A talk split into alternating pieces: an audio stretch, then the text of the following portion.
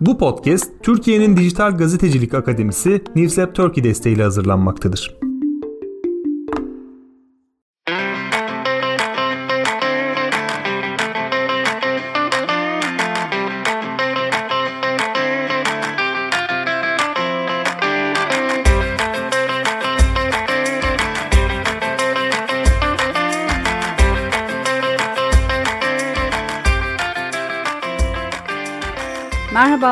Farklı Kaydet'in sunduğu Kör Nokta Podcast programının dördüncü bölümüne hoş geldiniz.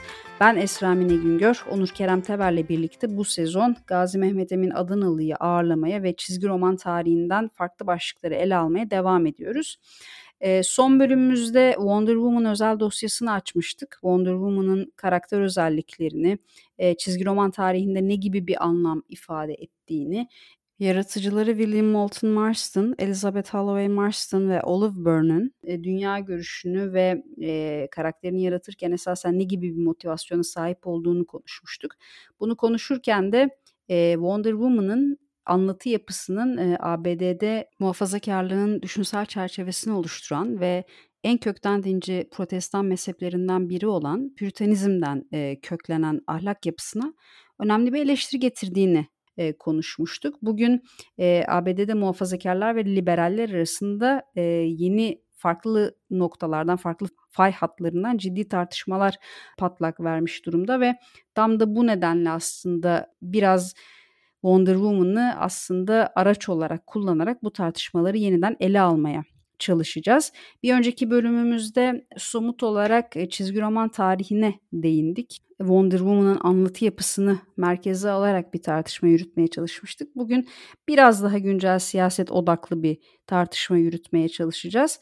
Ee, geçen bölümde de bahsettiğimiz gibi odağımızda e, muhafazakarlar ve liberaller arasındaki tartışmalar ve bu tartışmaların ABD Yüksek Mahkemesi'ne olan yansımaları e, olacak.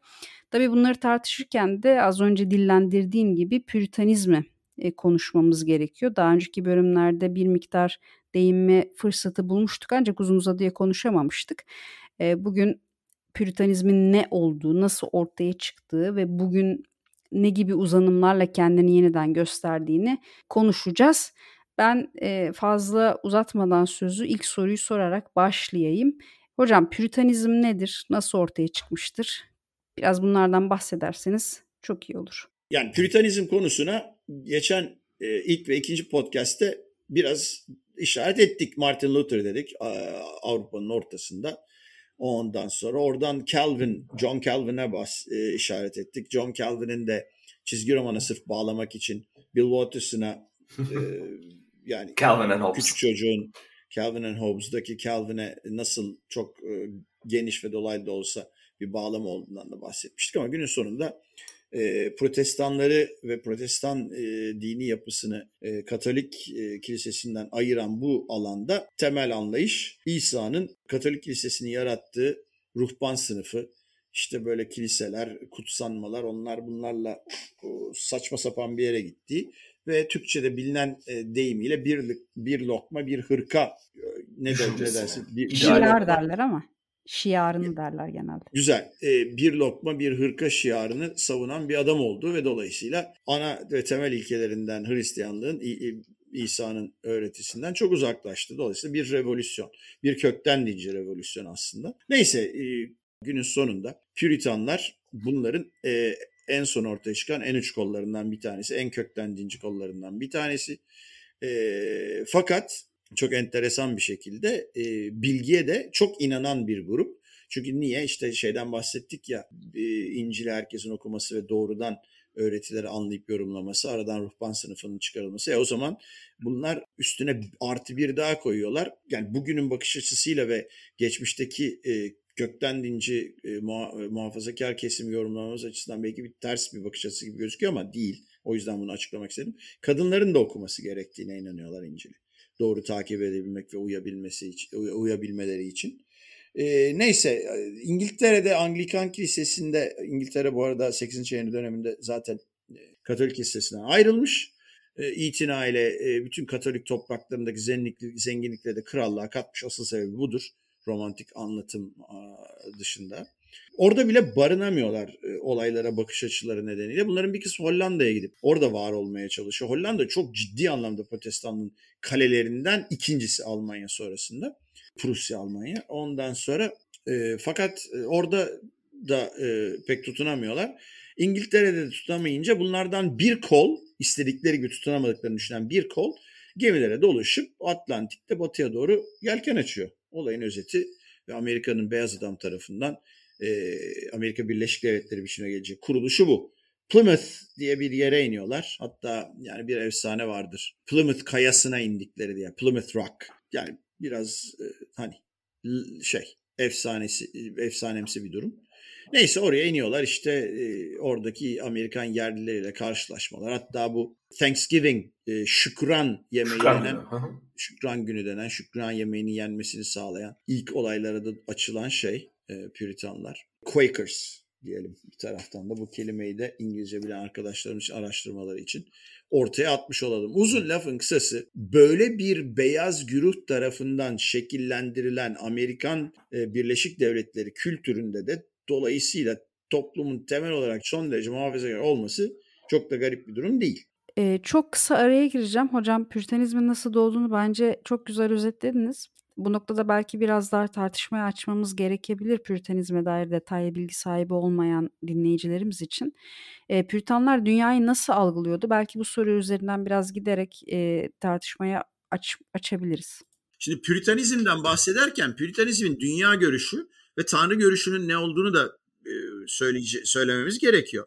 Adamlar çünkü yani e, İngilizcesi predestination olan bir kavrama inanıyorlar. Yani bir kere günahkarsın. Günahkar doğdun çünkü işte e, Adem günahkar, e, Havva zaten günahkar. E, dolayısıyla yapabileceğin çok bir şey yok. Ancak ve ancak yani öldüğün zaman yukarı gidiyorsun ona karar veriyor ama bir de seçilmiş kişiler kavramı var. İşte asıl sorun burada başlıyor.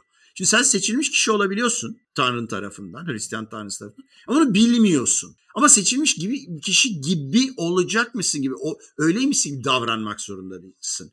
Ve böylece de Allah'ın e, yani Tanrı'nın onlar için Tanrı'nın şeyine, şefkatine ve takdirine ulaşacaksın. Anlatabiliyor muyum? Yani bir böyle kumar kavramı var. Kumar derken hani belirsizlik kavramı var e, Puritan anlayışında. Bunu da gene tamamen bir din e, tartışması, akademik din tartışması getirmeden söylemeye çalışıyorum ama bu seçilmiş kişi kavramı zaten işi çok karmaşıklaştırıyor. Çünkü Trump da mesela seçilmiş kişi olduğunu düşünüyor. Yani evangelistler açısından dünyayı işte o meşhur e, apokalipse, kıyamete kadar giden süreçte e, kendi görüşleri içinde şekillendirmesi gereken dini görüşün seçilmiş kişilerden biri olduğuna inanıyor. Hepsi buna inanmak zorunda aslında. Pizzagate işte kanon komplo teorileri ve son işte 4-5 senedir çıkan komplo teorileri Amerika'daki esas olarak bir fırtına kopacak. Sizin de belirttiğiniz gibi bir apokaliptik bir fırtına yaşanacak ve onun sonucunda da Amerika yeniden Trump kuracak diye bir iddiaları da var. Yani o yani tabii evet. ama zaten bu, bu bu da çok mantıklı kendi içinde. Yani Püritan dünya görüşüne göre zaten hem İncil hem de İncil'in üzerinden yaşarken herkesin yapması gereken şey ve seçilmiş kişiler e, bütün günahkarların arasından e, divine yani e, kutsal tamamen ta, kut, Tanrı'nın kutsallığı üzerinden bütün bunlar e, şekillenmiş. Yani neredeyse değil tümüyle insanın kendiyle alakalı yapabileceği bir şey yok. Günahkarlık açısından, karar açısından vesaire açısından. Ama Tanrı'nın anladığı ve gördüğü şekilde. Ama sen en iyisini yapmaya çalışıyorsun. Yapmak zorundasın. Bu da bir aslında paradoks. Ya ben şöyle bir yere girmenin güzel olabileceğini düşünüyorum. Ben biraz şeyden alacağım. Toplumun değer yargıları ya da toplumun nereye eğildiğinden çok Amerika'nın kurucu değerleri içerisinde bu var e, diyebiliriz. Amerika'nın kurucu değerleri içerisinde Püritan dünya algısı e, hatta Püritan siyasi model var evet. diyebiliriz. E, şimdi ben burada e, güncel anlamda şeyi enteresan buluyorum. Belki öyle bir bağlantı kurabiliriz. Amerika'da Supreme Court, e, Türkçe Yüksek nasıl Mahkeme. Yüksek Mahkeme içerisinde orijinalistler diye bir ekol şu anda egemen olmuş. Ben hani Amerikan siyasetine dair e, biraz güncel siyaset okumaya çalıştığım zaman böyle bir e, kavramla karşılaştım. Orijinalistler dedikleri Amerikan anayasasını yazıldığı biçimiyle uygulamaya çalışan, yazıldığı biçimiyle egemen kılmaya bir, çalışan. Biraz önce ne dedik Britanlar için? Yani dine, e, Hristiyan dinine bakış açıları İsa geldi. Bir lokma bir hırka şiarıyla bize bir şey öğretti. Kitap bu. Dördünü de birden yani Matthew'un, John'ın e, kiminkine okursan oku. Yani şiar hep bu. Dolayısıyla abicim siz ne yapıyorsunuz bu ruhban sınıfıyla? Allah belanızı versin. Biz orijinal yapıya döneceğiz. Şimdi o zaman bu açıdan baktığın zaman değil mi? Burada yani, ama şey var yani benim anladığım kadarıyla benim de Hristiyan sektörü üzerine bilgim çok kuvvetli değil. Ama yani Avrupa'da ben şu anda biraz önce ona bakıyordum. Luteryan e, şeyin e, ekolün çok kuvvetli olduğu bir eyaletteyim şu anda ben Almanya'da. Avrupa'daki kıta Avrupa'sında e, reformun geliş şeyin reform değil bu gerçi. Reform hareketlerinin içerisinde sayılabilir doğru. E, reformun gelişimiyle İngiltere'deki biraz farklı anladığım kadarıyla. Ama şunu e, vurgulamaya çalışıyorum. E tabi çünkü yani Anglikan kilisesi var ve Püritanlar Anglikan kilisesini de saf bir yapıya doğru ittirmeye çalışıyor. Daha da kökten dinci duruma. Orada zaten çok büyük sorun yaşıyorlar.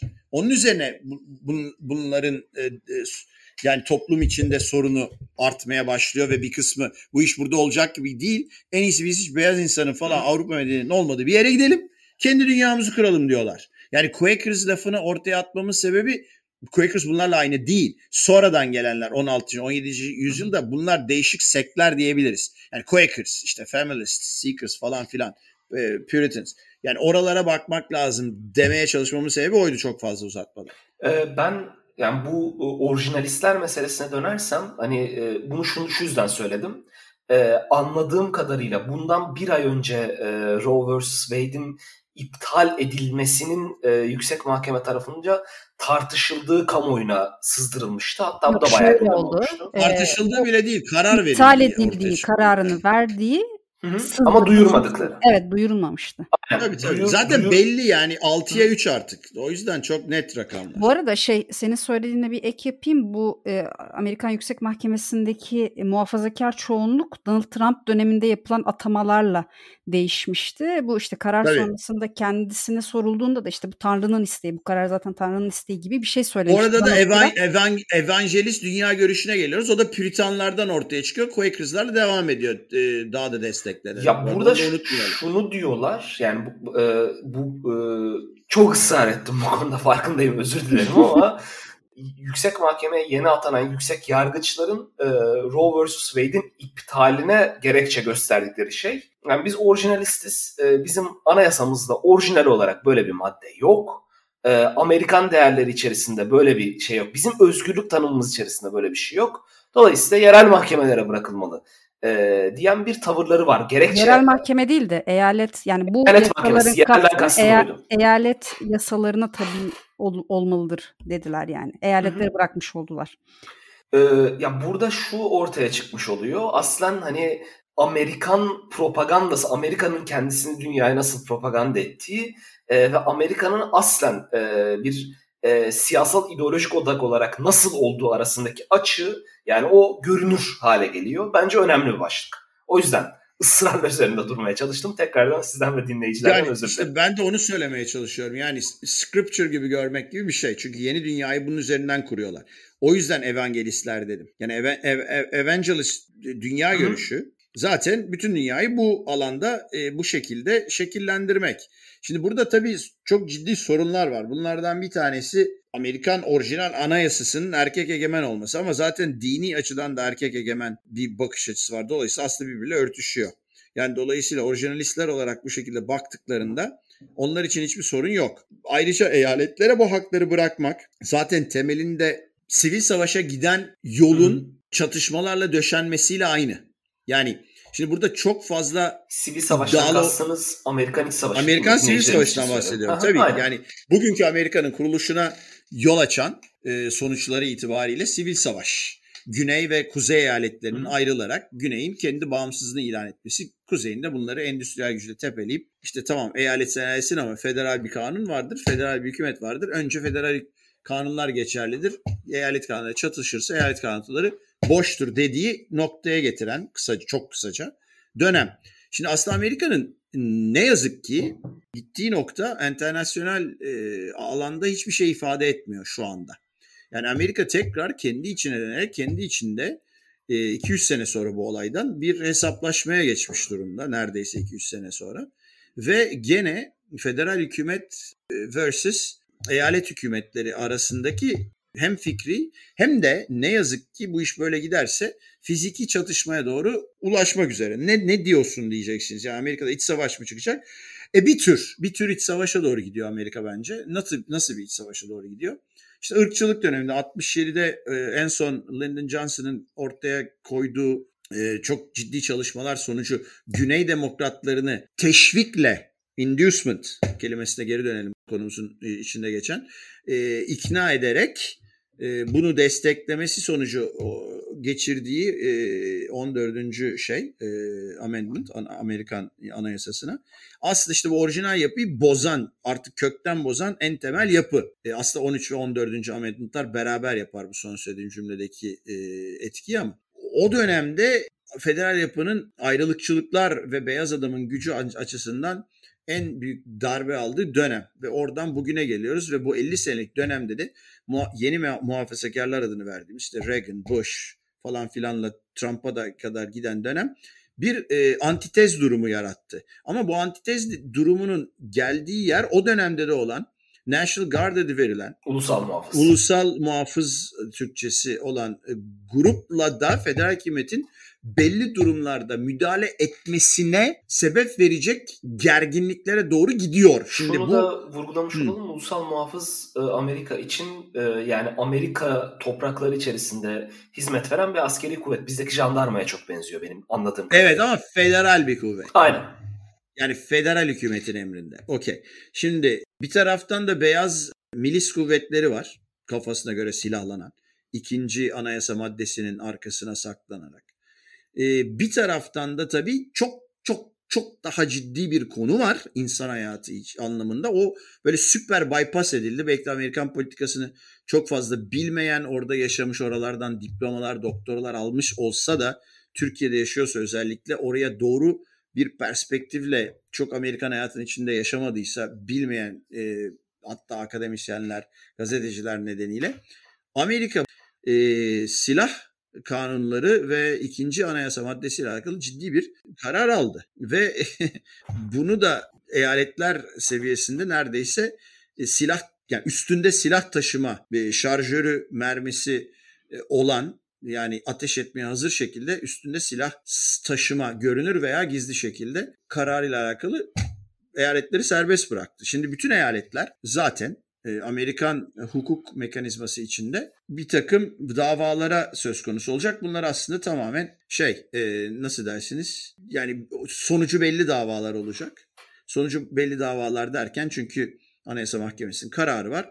Biri gelecek ben silah taşıma hakkımın elimden alın üstüme silah taşıma hakkımın elinden alınmasını anayasa aykırı buluyorum diyecek. Mahkemene mecburen Anayasa Mahkemesi'nin kararına uymak zorunda olduğu için örnek olarak bunu serbest bırakacak. Dolayısıyla bütün eyaletlerde neredeyse bu durum açık taşınma yasası bu open carry açık, dedikleri yani. mesele geçmiş olacak yani. Yani open o hayır open illaki open da değil. Yani open şöyle beline silah e, kılıfına koyup veya omuzuna tüfeği asıp taşıyabiliyorsun. E, concealed carry'de yani gizli taşımada vücudunda taşıyabiliyorsun. Hı-hı. Aslında temelde bu ikisi hep birden yasaktı. E, Birçok eyalette. E, çok az eyalette işte belli bir takım gerekçeler göstererek e, alınabilen bir izne tabiydi yani. E, izne, ehliyetti, izne tabiydi. Bazı eyaletlerde ise biraz daha tabii muhafazakar eyaletlerde biraz daha fazla veriliyordu. Ama sonuçta oldukça önemli bir şeydi. E tamam artık yani herkes bir espri e, yaparak vahşi batı şeklinde silahını koyup taşımaya başlayacak cebinde. Bütün araştırmalar e, silah taşıma yasalarının çok sert olduğu ve kimseye izin verilmediği eyaletlerde, şehirlerde e, silaha bağlı ölümlerin, katliamların çok az olduğunu gösteriyor. Bu e, Amerika'nın mesela Hawaii eyaletinde çok ortada. Orası, orası çok ciddi konuda yasakçı bir e, eyalet. Üstünde silah taşıyamıyorsun. Ee, ben Ama e, burada ufak bir girdi yapmak istiyorum. Ee, Hawaii benim bildiğim kadarıyla e, resmi eyaletlerden bir tanesi değil. E, Yo, resmi eyalet. Hayır, Öyle mi? Ben eyalet. yanlış biliyorum. Evet. Tamam özür dilerim. Evet. Contiguous states denir. 48 tane kıta eyaleti vardır. Bir de Amerika'nın doğrudan kıtasında yani tabii aynı kıtada ama coğrafi olarak doğrudan Amerikan eyaletlerinin birbirine değen şekilde diyelim contiguous olmayan Alaska vardır. Bir de Hawaii vardır. Onlar da 49. ve 50. eyaletlerdir. Bir de Washington DC vardır. Eyalet değildir. Onun da eyalet olması konuşuluyor gerçi ama ona District of Columbia denir. 50 artı 1 gibi düşünebilirsiniz. Ee, şey seçimler, politik yapılar açısından. Neyse yani Hawaii'de böyle ciddi bir istatistik var. Yani en sert e, silah taşıma, üstünde silah taşımaya karşı e, eyaletlerden biri. Hatta A noktasından B noktasına silah temizlik için veya bir yerde avlanmak için götürüyorken bile götürdüğün e, e, haznenin bu otomobil olabilir, kendi kutusu olabilir vesaire kilitli olması ve e, mermi ve şarjörlerden bütünüyle boş olması gerekiyor. E yani istatistikler bazı durumlarda gerçekten doğruyu gösterir.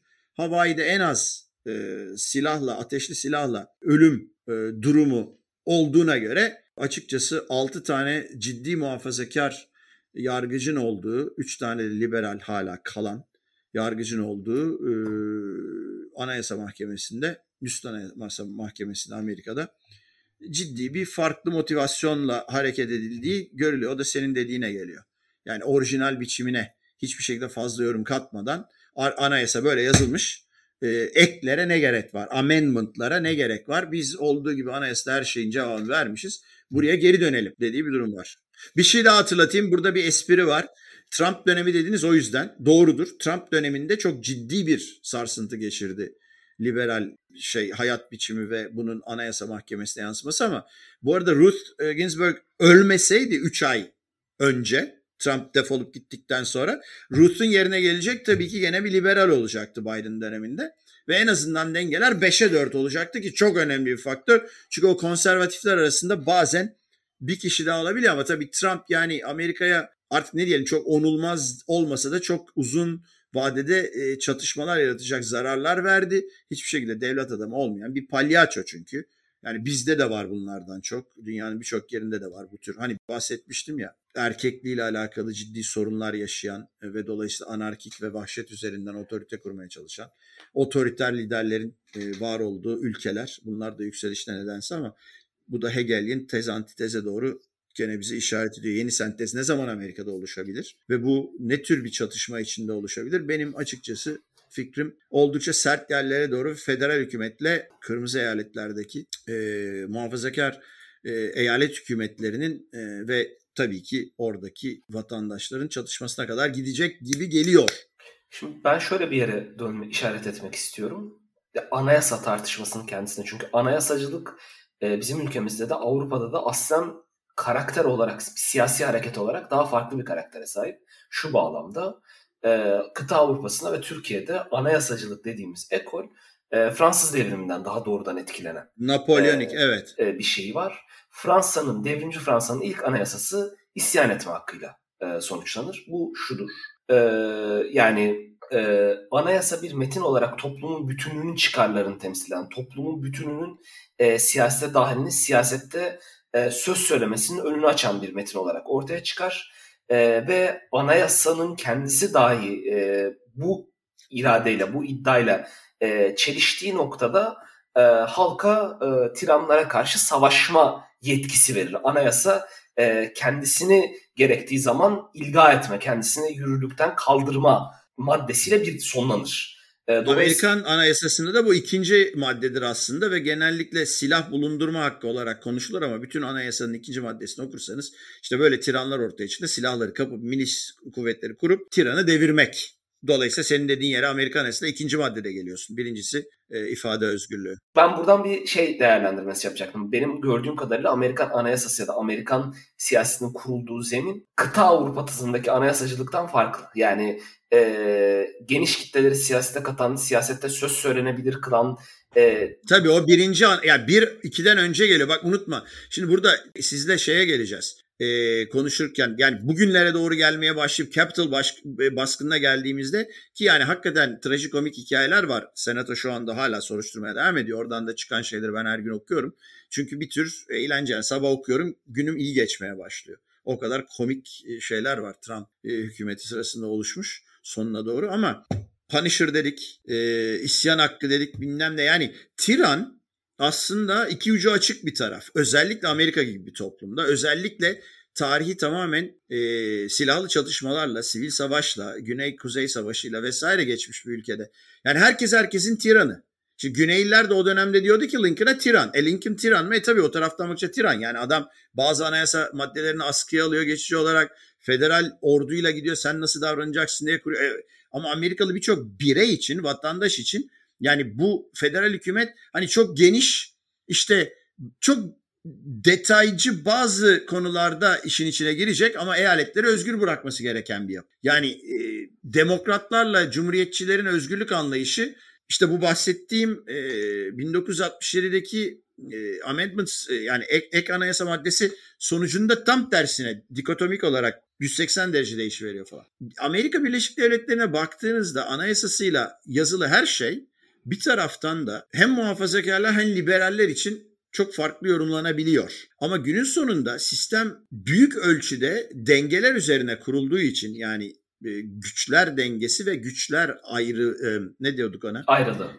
E, güçler ayrılığı üzerine ve dengeler üzerine bunun üzerinden yapılandırmış kurulduğundan patlamadan bugüne kadar geldi ve bugünü de geçebilir. Yani en azından bir Trump krizi atlatıldı bak. Ve hala sistem onun üzerine çalıştırılmaya çalışıyor ve daha da enteresanı işte sırf bu yüzden e, Temsilciler Meclisi ile Senato çok hızlı bir şekilde yani Amerikan yakın tarihinde görülmediği kadar hızlı bir şekilde bipartisan yani iki tarafında onayladığı silahla alakalı bir e, yeni kanunu Biden'ın önüne koydu. Biden da imzalayıverdi. Yani Anayasa Mahkemesi'nde bunlar olurken gerçek anlamda e, hükümetin e, çalışma sistemi de bir taraftan buna bir gene yani an, teze antitez üretildi Anayasa Mahkemesi'nde. Şimdi ona bir yeni antitez üretildi. Yeni bir senteze doğru gidilmeye çalışılıyor. E, hoca da söyledi zaten de hakikaten tiranlığın içine nasıl doldurduğunla çok doğrudan alakalı. Amerikan sisteminde. Çünkü zaten o e, kongre baskınında da yani asıl dayanak noktası o insanların oraya gidip kongreyi basmasının asıl dayanak noktası hakikaten de tiranlığa karşı çıktıklarını düşünmeleriydi. Yani onlara göre tiranlık zaten liberal bir e, yani Amerika'nın liberal bir liberal tabii, tabii. bir e, komplo. Liberal bir komplo tarafından yönetileceklerini düşünmeleriydi orada esas problem. Yani liberaller bağımsızlık bildirisi ve devamında gelen orijinal kurucu babaların yazdığı baba erkek unutmayalım anayasaya e, devamlı işte şuradan ekler buradan ekler bunların hepsi liberal komplo teorisi üzerinden yorumlanıyor ve onların inancında ülkeden önce eyalet vardır ülke ancak ve ancak isolationist politika inter, yani isolation international politics üzerinden dıştan bir tehdit geldiğinde federal e, hükümetler ve eyaletler bir araya gelir dış düşmana karşı savaşır. Ama onun dışında biz son derece e, böyle gevşek bir biçimde bir araya gelmiş asıl gücün eyaletlerde olması gerektiğine inanan bir halkız der. Senin terimin neydi ee, Onur? O orijinalistler mi? Orijinal, ben benim değil bu bu arada. Amerikan siyasetinde kullanılan bir terimmiş. Hayır hayır yani senin bugün kullandığın Hı-hı. terim orijinalistler böyle düşünür. Öbür tarafta da yani modern dünyanın devlet kavramıyla işte Lincoln'dan beri şekillendirilen bir yapı var. Ee, yani halkların değişim e, istekleri nezdinde sistem bunları değerlendirir en kötü ihtimalle Anayasa Mahkemesi'ne kadar gider. Onlar da bir karar verir. Bu karar üzerinden eyaletlerde de e, kanunlar, eyalet kanunları eğer buna e, ters düşüyorsa geçersizdir. Zaten onunla aynı yönde gidiyorsa da o şekilde bakılır. Çatışma bu. Yani günün sonunda döndük dolaştık. Amerika'nın kuruluşundan sonraki e, ilk ciddi iç çatışması olan sivil savaştaki konuya geldik. Yani bunun ne, şekilde çözüleceği tabii yani bir sürü fikir üretilebilir bu konuda ama ben yani bir noktada bu iş böyle gitmeye devam ederse bir tür silahlı müdahalenin federal hükümetten bazı eyaletlerde gelebileceğini düşünüyorum. Olmayabilir. Tabii yani sonuçta eyalet meclislerine de devamlı seçimle insanlar giriyor çıkıyor ama belki bu yan veya tamamlayıcı yani veya daha keskin bir biçim de olabilir e, sosyolojik açıdan. Göçler oluşabilir tutucu insanlar daha tutucu eyaletlere, liberaller daha liberal eyaletlere giderek kırmızı ve mavi eyaletler arasındaki kopuşu sınır, sınırlar e, hayali e, olmayan ciddi sınırlar belli olabilir. Daha da ileriye bir fantazi e, karanlık fantazi kuracaksak bir çizgi roman yazacaksak mesela bu bir iyi konu olabilir. Amerika'nın ayrılması ikiye. Çünkü çok da mantıklı. Haritaya baktığınız zaman aslında kırmızı eyaletlerin çoğu birbirlerine sınırı hemen hepsi galiba. Şimdi tekrardan bakman lazım son seçime göre ama birbirine sınırı olan eyaletler böyle maviler arada birkaç tane var ama o bir şekilde hallolur. Yani böyle bir ihtimal de var. B- bilemiyoruz. Çok dinamik bir toplum her açıdan. İşte gördüğünüz gibi yani e, checks and balances İngilizcesi.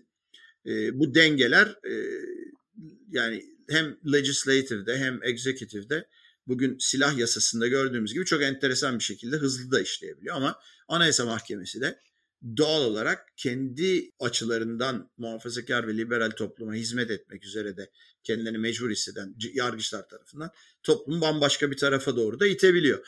Amerika Birleşik Devletleri açısından ki dünyayı doğrudan etkileyen bir konu da olduğundan çok enteresan bir dönemde yaşıyoruz.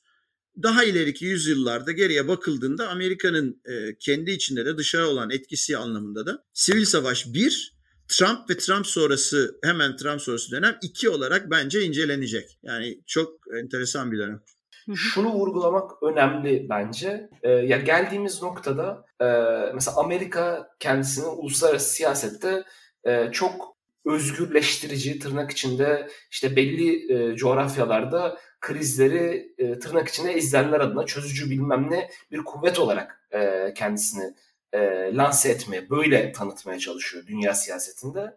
E, hatta yakın dönemde bir takım e, uluslararası müdahaleleri bilmem ne bu kisveyle e, yapmaya da buradan olumlamaya başlayan bir siyasi ekol de görüyoruz. Fakat e, şu son gelişmeler mesela şeyi ben benim kafamda perçinliyor. Amerikan siyasetinin kendi iç ve dış gelişimi e, dünyanın bütününde bireysel ve toplumsal hakları e, daraltan, e, onunla birlikte e, toplumun ezilen kesimlerini e, daha da baskı altına sokan e, bir e, eğilimi kuvvetlendirecek şekilde ya orada işlemeye devam ediyor gibi geliyor bana. Esasen ABD'deki muhafazakarlar ve demokratları ayıran bir noktaya sen parmak basmış oldun. Çünkü yani demokratlar daha müdahaleci bir yani uluslararası siyasette daha müdahaleci bir pozisyon alırken mesela muhafazakarlar daha izolasyoncu bir yani bizim ne işimiz var mesela Ukrayna krizinde bizim ne işimiz var diyen bir tarafta yer alıyorlar. Hatta bir kısmı da Putin'i destekliyor mesela. O yüzden Trump da doğrudan uygulamamış olsa da biz Suriye'den çekileceğiz demişti mesela. Şimdi Trump'ın yaptığı tam Monroe doktrinine 200 sene öncesine geri dönüş 1823 Amerikan bakış açısıyla. Yani bizim sınırlarımızın etrafında e, bize e, düşmanca gelecek hiçbir şey yapamazsınız. E, bunu savaş sebebi sayarız ama kendi alanınızı ne yaparsanız yapın dünya yakın bizi ilgilendirmez tarzında bir yaklaşım Trump'ınki. Tabii ki kesinlikle isolation. Hı hı. Ya yani canlandırdı onu evet, zaten. Evet evet. Dolayısıyla hani orada e, Amerikan siyasetini böyle bütüncül, yekpare bir şey gibi okumak çok mantıklı olmayabilir. Olmaz. O yüzden doğru, doğru, doğru, doğru. oraya bir şerh düşmek Şimdi, gerekir bence.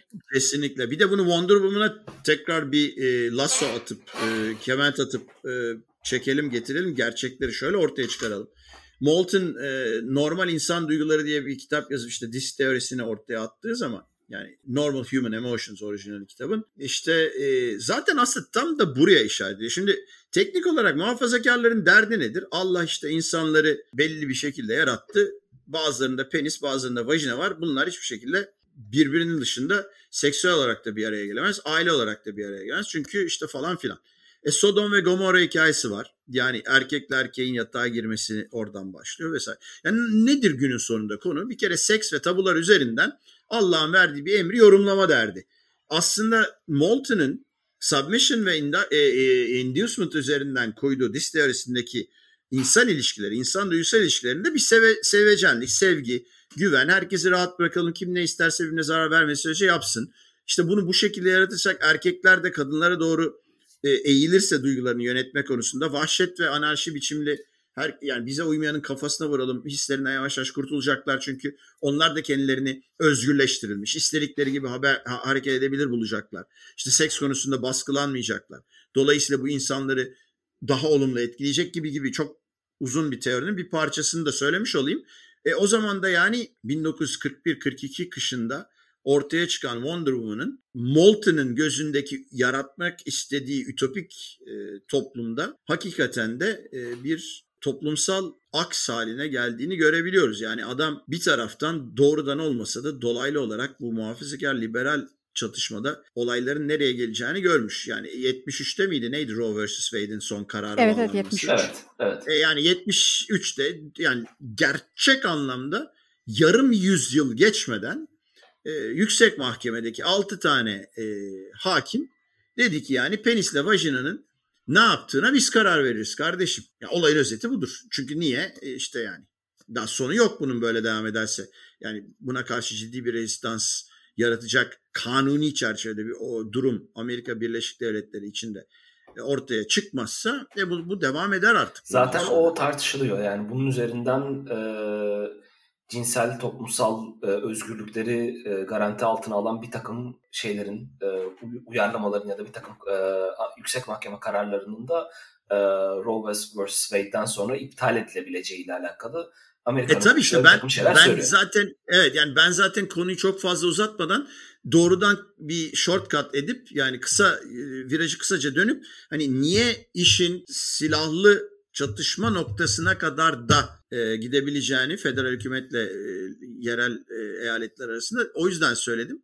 Artı tabii göçlerden bahsettim. Ee, yani herkes kendi e, daha kendi daha rahat e, e, hissedeceği, kendine daha uygun e, eyalet kanunları olan eyaletlere doğru göçecektir diye de düşünüyorum. Ya burada belki hani şimdi bizim konumuzu bölebilir e, bir de tam sona yaklaşmışken ama şey de vurgulanabilir belki. Şimdi böyle bir karar aldı yüksek mahkeme ama işte büyük e, şirketler Amazon, Tesla, Apple gibi e, büyük şirketler hemen karşılığında şey diye açıklama yaptılar işte kürtaj olmak isteyen çalışanlarımız e, kürtaja izin veren, olanak tanıyan eyaletlere gitmek isterse onların uçak paralarını, uçak masraflarını biz karşılarız gibi bir çıkış da yaptılar. Mesela orada yani bu çatışmanın bir boyutu da şirketler ve şey federal hükümet arasında da olabilir belki. Bu çok spekülatif bir yorum da olabilir gerçi yo, yo, ama. Hayır bence spekülatif bir yorum değil. İşin kapital tarafına geçmek istiyorsan bence çok da iyi bir yorum. Çünkü neden bahsettik? Ulusal devletin temel besini e, vergi tabanıdır. Yani sınırların asıl görevi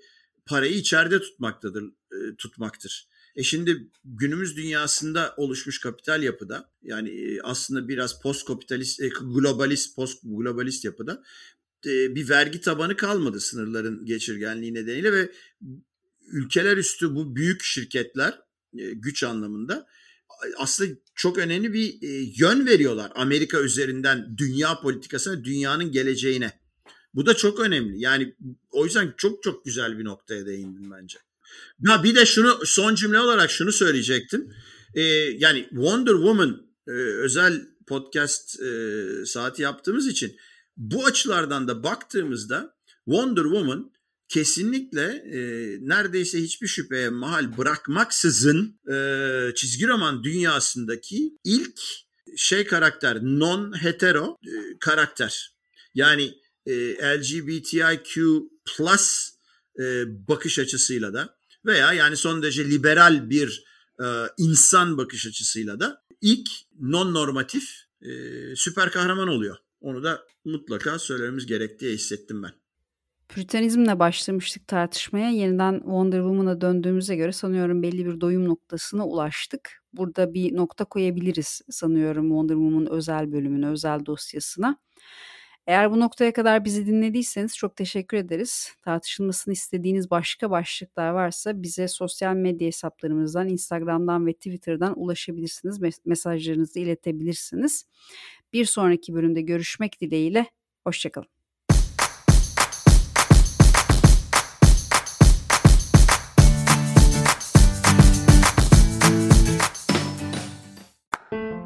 Podcast Türkiye'nin Dijital Gazetecilik Akademisi Newslab Turkey desteğiyle hazırlanmaktadır.